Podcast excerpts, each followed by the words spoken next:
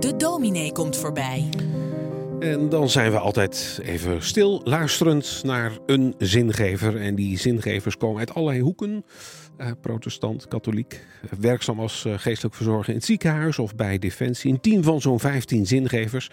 En nu weer bij ons aangeschoven twijfelaar en vragensteller, Wouter van der Toorn. Goedemorgen. Goedemorgen. Dat zijn jouw eigen woorden, hè? Die, eh, ja. Zo twee. Ja.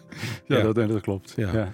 En wij spraken elkaar net zojuist even buiten de uitzending om. En uh, nou ja, hoe, hoe, gaat het? Hoe is het? Jij zei tegen mij, uh, ja, hoeveel weken heb je nog? Ja, dat klopt. ja, ja. Maar ik dacht zojuist, jij, jij hebt die gesprekken natuurlijk wel eens hè, met mensen. Hoeveel weken heeft u nog? En, ja, dat klopt. Ja. Dat klopt. Ja. En, wij, um, wij, wij, deden, mag hè, wat grappig over. Ja. Ik vertrek over een paar weken hier. Ik ga naar een ander station.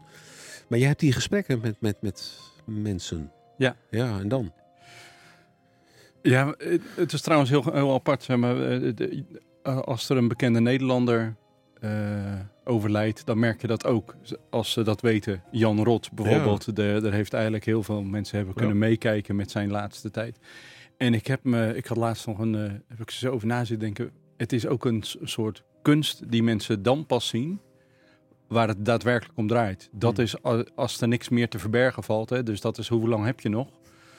Uh, dan denk je over hele andere dingen na als uh, op andere momenten. Dat vind ik altijd, uh, altijd wel bijzonder. Mm. Dat het leven dan opeens heel heilig blijkt te zijn. Ja. Ja.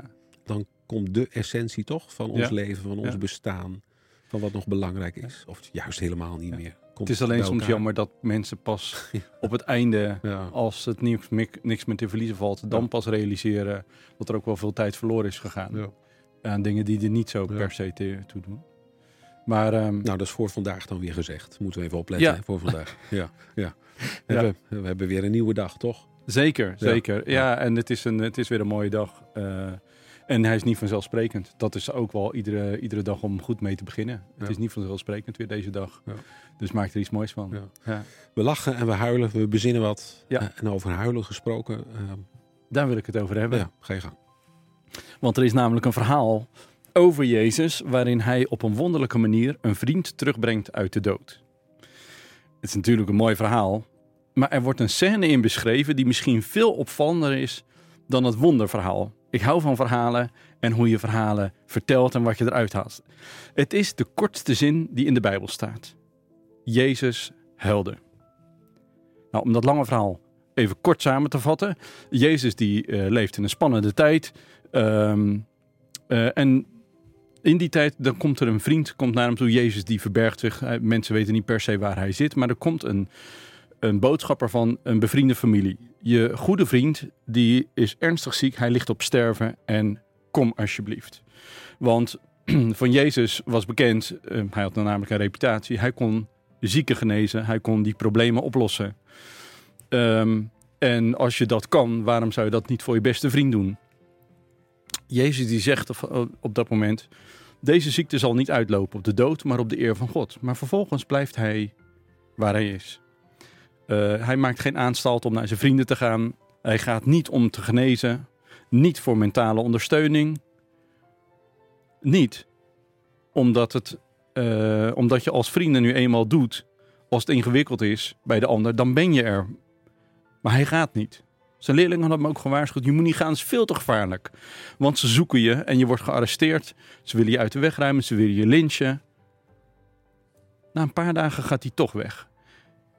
Tot schrik van zijn vrienden. Daar speelt trouwens Thomas een rol. Die zegt, nou, dan gaan we ook maar mee om te sterven. Dus het was nogal een spannende tijd. Maar als Jezus bij, eh, bij het dorp van zijn vrienden aankomt... dan wordt hij al tegemoet eh, gerend door een van zijn vriendinnen. En die zegt, Lazarus, dat is die vriend, is dood.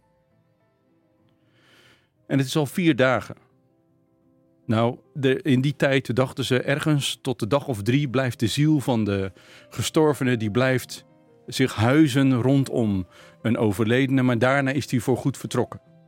Dus vier dagen is, hij is echt dood. En dan gaat Jezus, die gaat, gaat mee en die gaat naar het graf. En wat doet hij daar? Hij huilt. Hij barst in tranen uit om de dood van zijn goede vriend. Ik heb me lang afgevraagd waarom hij dat nou doet.